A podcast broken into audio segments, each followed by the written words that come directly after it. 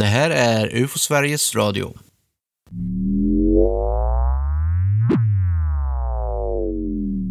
Jag heter Tobias Lindgren och hälsar alla lyssnare välkomna.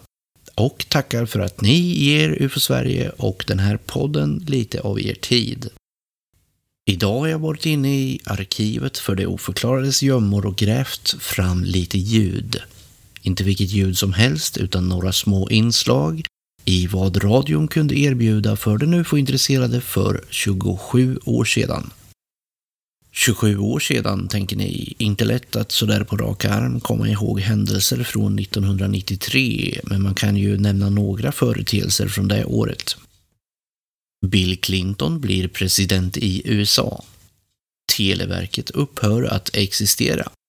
Ett stridsflygplan av modellen 39 Gripen störtar i Stockholm på ön Långholmen under Vattenfestivalen.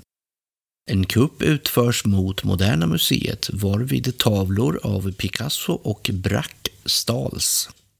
Kompositören och rocksångaren Frank Zappa går ur tiden. Viktigast av allt för oss ufo-intresserade är väl ändå att tv-serien Arkiv X hade premiär. Men nu tillbaka till 1993 och hur några av UFO Sveriges representanter lät då. Mycket nöje!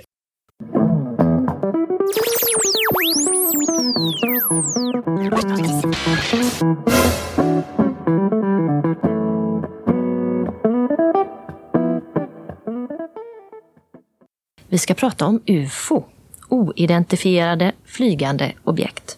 Peter Lundström jobbar i UFO-arkivet i Norrköping och han upplevde själv något oförklarligt i Vasaparken en augustikväll 1985.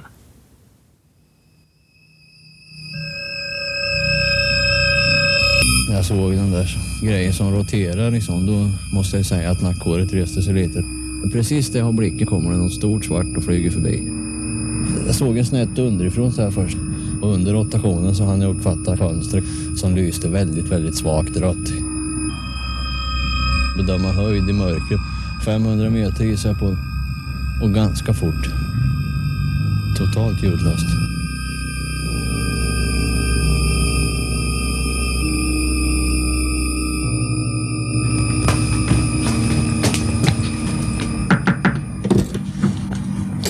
Hallå där. Hej Anders! Hej! Vad är meningen med det här arkivet här nu som ni har byggt upp? Ja, det är ju att eh, skapa en bas för framtida forskning på UFO-området. I en oansenlig källarlokal i Norrköping finns en av Europas största samlingar. För där har några eldsjälar de senaste 20 åren ägnat sin fritid åt att samla ihop tidskrifter och böcker som handlar om UFO. I hyllorna trängs tidningar från hela världen med flera tusen böcker och närmare 10 000 rapporter om observationer av ufo-fenomen. I ett plåtskåp finns början till ett fotoarkiv. Mycket av materialet i arkivet kommer från privata donationer och att skilja ut det seriösa materialet från svamlet, det är inte lätt. Det är ju svårt ibland att veta vad, vad som är seriöst och inte seriöst. Men man lär sig med tiden och veta vilka eh, namn man kan lita på, vilka som, som eh, jobbar metodiskt och samlar in dokument och eh, ja, som, som har säga, lite grann av det vetenskapliga arbetssättet. Då.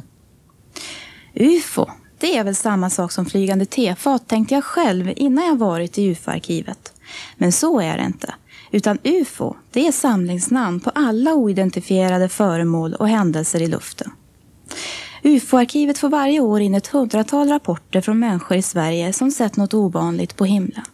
Riksorganisationen UFO Sverige har fältforskare som runt om i landet försöker reda ut vad det är som rapportörerna egentligen har sett. För de flesta iakttagelser kan nämligen förklaras på naturlig väg.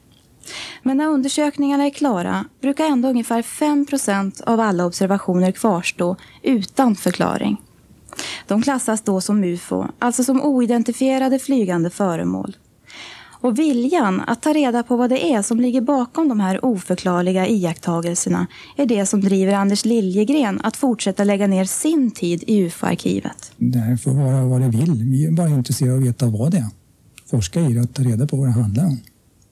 Vi ser ju gärna att det kommer att säga, professionella forskare då, som har eh, riktig utbildning bakom sig, sociologer och psykologer och sådär och ger sig in i det här och kastar sig in i det här materialet och tittar. Va? Men eh, så länge de inte har intresse för det här så, så finns ju vi som har ett visst intresse för det.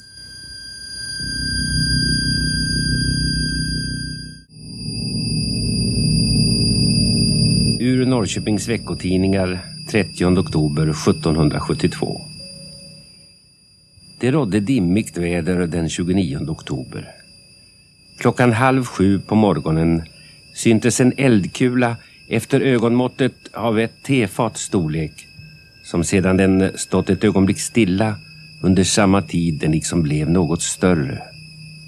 Åkte från öster till väster vid pass en alns längd eller något däröver. Varefter den försvann och lämnade som någon ljus eller klar rök efter sig.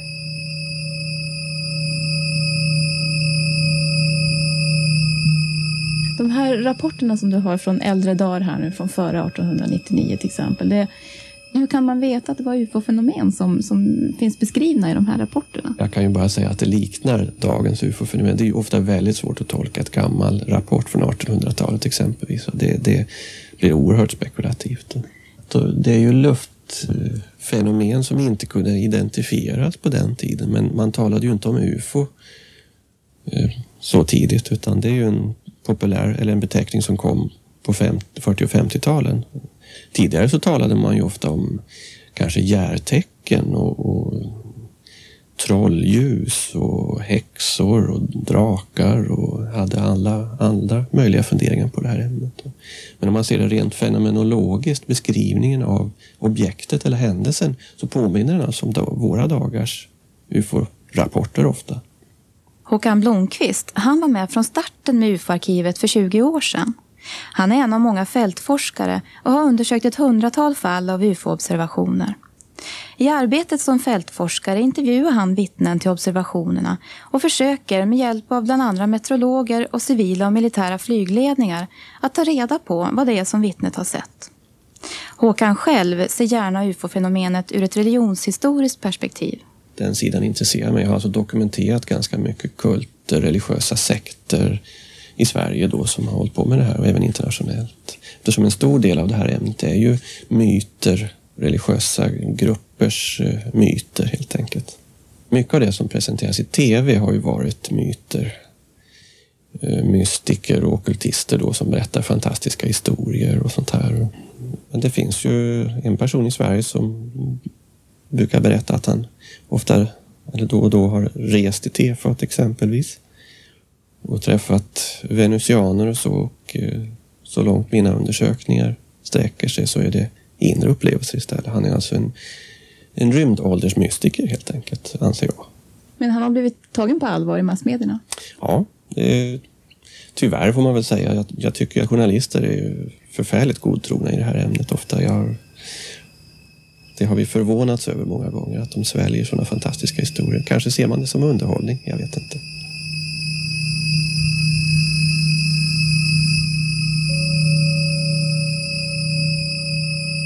Hej och välkommen till UFO-infolinjen. Den första dagsljusobservationen gjordes den 7 februari klockan 4 på eftermiddagen i Helsingborg. Ett svart cigarrformat föremål kom från syd och flög med hög hastighet mot norr. Den andra dagsljusobservationen under februari gjordes den 9 klockan 8 på morgonen.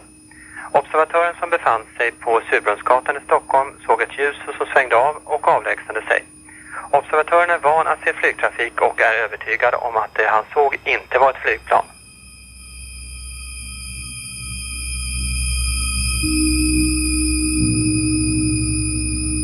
Tror du själv på UFO? Ja, det gör jag i den bemärkelsen att jag anser att i den rapportmängd som finns här, alltså mellan 8 och 10 000 rapporter, finns det tillräckligt många intressanta, väldokumenterade närobservationer för att jag ska bedöma som att här finns ett verkligt okänt, gåtfullt fenomen som är värt vetenskaplig forskning. Har du själv varit med om någonting sånt där? Nej, det har jag aldrig faktiskt. Jag har ju sett diverse ljusfenomen och sånt, men aldrig något verkligt ufo. Men vad är det som driver dig då, som får dig att uh, lägga ner all din lediga tid här nere i arkivet och på att göra undersökningar? Ja, det är nyfikenheten helt enkelt. Nyfikenheten på vad det är som kan ligga bakom de här verkligt gåtfulla rapporterna. Kan det vara så att det rör sig om en främmande teknologi? Kan det vara så att det rör sig om främmande intelligenser? Eller är det okända naturfenomen eller någonting helt annat? Det är väl människans eh, allmänna nyfikenhet på livsgåtor tror jag helt enkelt som, som driver mig.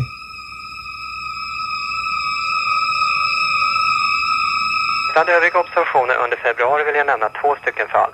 Den första är från Borås den 25 klockan 18.45. Tillsammans med två väninnor åkte en kvinna på riksväg 40 mot Borås. När de närmade sig staden fick de se ett ljussken från tio strålkastare som satt i en ring. Strålkastarna snurrade runt. Det lysande fenomenet iakttogs först över lasarettet och rörde sig sedan mot Knalleland och Borås djurpark. Slutligen fall från kvällen den 8 februari då en kvinna och hennes son tittar på planeten Venus. Plötsligt så ser de att det kommer ut röda lysande bollar från planeten och som börjar röra sig på himlen.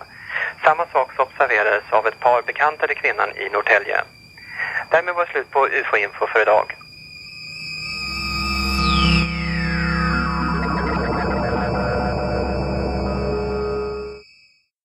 Hallå? Ja, hallå, tror du på ufon? Ja, jag tror väl att det finns någonting som inte kan förklaras. Men du kanske har ändrat din åsikt nu lite efter den här ja, senaste? det var ju en väldigt stark upplevelse som man bemöter hela med respekt och ja, ja, jag vet ju vad jag såg för något och jag tror inte att det var någonting naturligt. Du måste berätta, det var du och din flickvän alltså som, eh, ja ni har nyss kommit hem från en bilsemester? Nej, nej, det var under bilsemestern. Under bilsemestern som Vi var nere i Skanör där vi på kvällen gick ner till havet för att titta på vattnet. Vad var det som hände? Vi såg en ljuspunkt på himlen som växte upp till en fyr, glödande fyrkant som ändrade form lite till och från. Och den här upplevelsen höll på i cirka 15 minuter. Ganska lång tid alltså? Ja, jag lyckades ta tre stycken kort på det hela. Jag hade gott om tid att titta på den. Ja, man hann titta en hel del och fundera lite. Vad funderar man på? Ja, man undrar givetvis vad det var för något och vad det ville så att säga. Vad sa ni till varandra? Jag minns faktiskt inte så noga. Vi tittade mest på det hela. Vad säger Claes Svan som eh, jobbar med eh, UFO dagligen i princip? Vad säger du om den här historien?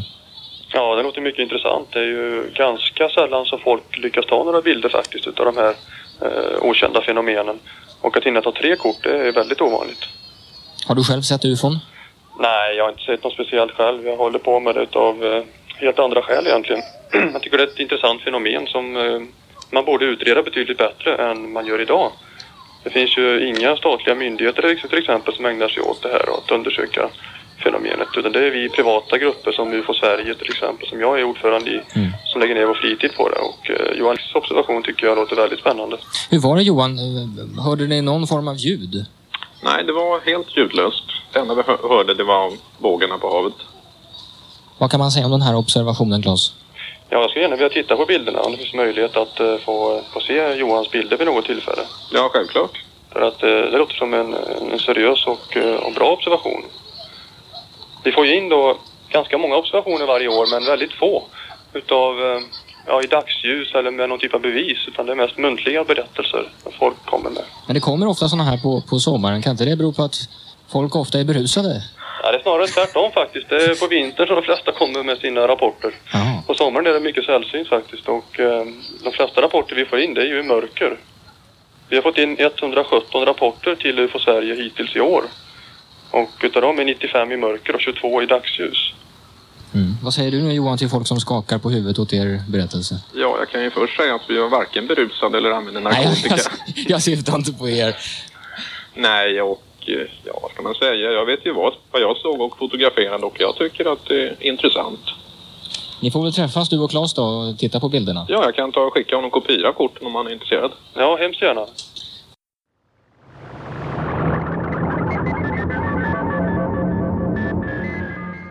Hur ska man annars tolka alla de mystiska cirklar i svenska sädesfält som dykt upp lite här och var i sommar? Aldrig förr har Sverige sett något liknande och de mest fanatiskt troende menar förstås att det här är utomjordiska krafter som besöker oss.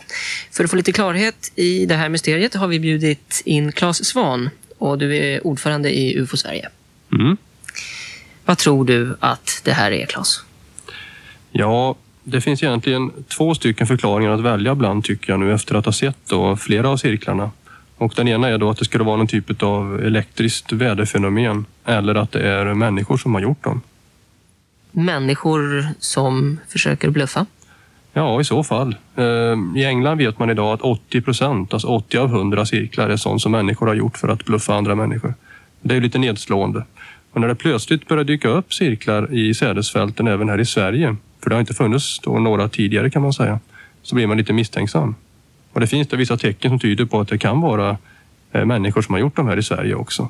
Det är speciellt någon cirkel ni kan konstatera är bluff va? Ja, just det. I närheten av eh, Askersund, Esperud och eh, Skyllberg. Två jättelika cirklar, en på 96,4 meter och en på 36,6 meter. Mycket komplicerade cirklar faktiskt.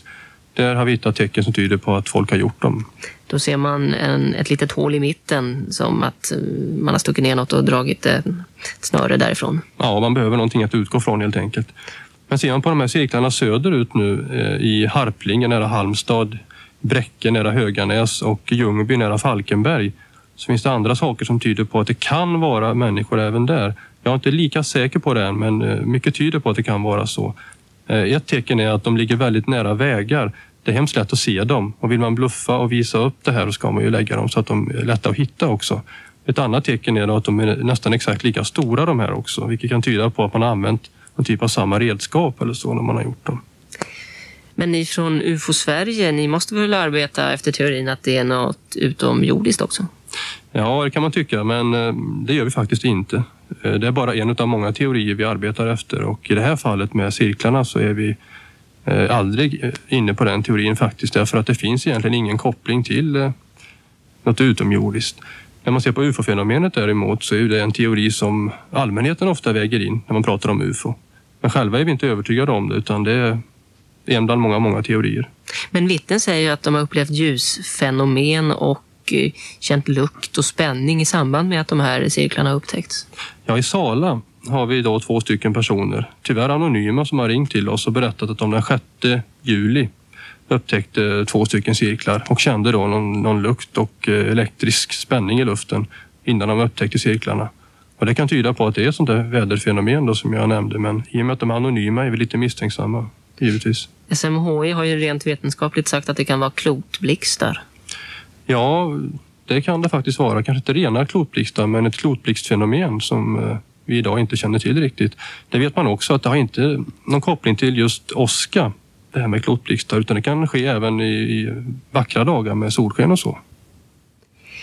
Att vissa skulle hålla på och bluffa och göra sig sånt besvär, det är väl lite trist för er som undersöker fenomenen? Ja, det är ganska trist. I England har vi då flera ögonvittnen som har sett cirklar bildas. Ett tjugotal ögonvittnen finns det idag och de berättar att de har sett som ett ljus komma ner från himlen som en lysande pelare på natten och en cirkel har bildats. På dagen har man sett som en vind gå fram över ett fält som har stannat till och bildat en cirkel väldigt, väldigt snabbt. Vi har 20 sådana observationer ungefär idag. Men det är bara enkla cirklar, observera det, inte de här komplicerade så kallade piktogrammen man pratar om. Och de här vittnesmålen, de tror du fullt och fast på? Ja, eh, flera av dem är eh, nog tveklöst så att de har sett det. Men ändå möts ni av skepsis. Är det så ofta tycker du? Från myndighetspersoner och oss journalister? Jo, nog är det så att vi möts med skepsis, men det har blivit bättre tycker jag och det är fler som lyssnar på oss idag än det var för tio år sedan. Som ordförande då i den här eh, föreningen, vad har du för egna erfarenheter av någon slags kontakt överhuvudtaget med någonting utomjordiskt? Nej, jag har inga egna erfarenheter alls faktiskt på den fronten utan jag jobbar med att undersöka det andra personer har sett och vi får in mellan 200, ja kanske runt 200 samtal varje år från folk som har sett något konstigt på himlen. Och sen undersöker vi det från UFO Sveriges sida. Vi åker ut och gör intervjuer och eh, tar reda på vad folk har sett. Och i 90-95 procent av alla fall så hittar vi också en förklaring på det folk har sett. Resten kallar vi för ufo-fenomen. Det är de oidentifierade fenomenen, de fem procenten som är kvar. Det är de som är spännande. Det är de som visar att det finns ett, eh, någonting ja, ännu inte utforskat att forska vidare i. Vad tror du att det är då? Ja, jag tror att en del av det är sånt som eh, har med kanske annan eh, teknologi att göra som andra länder som kränker våra gränser. Men det finns också ett fenomen någonstans i det här som är så mystiskt och så, så svårförklarat så att jag vet inte vad det är för någonting, men det är ju det som är så intressant. Tror du att det finns varelser från andra planeter som tittar ner på oss och besöker oss? Jag är ganska skeptisk till att det är på det sättet. Inte att de reser hit i alla fall som vi reser till månen. Det skulle vara väldigt svårt tror jag. Utan då pratar man om andra saker. Då får man diskutera parallella världar och sånt som eh, fysikerna idag räknar med kan finnas. Och du fortsätter i sommar din undersökning av alla de här cirklarna? Ja, det gör vi med ganska många inblandade. Då. Vi har ett tiotal personer som hjälper oss här och undersöker från UFO Sveriges sida. Får du ut och fortsätta resa? Mm, tack så mycket. Claes Svahn, ordförande i UFO Sverige.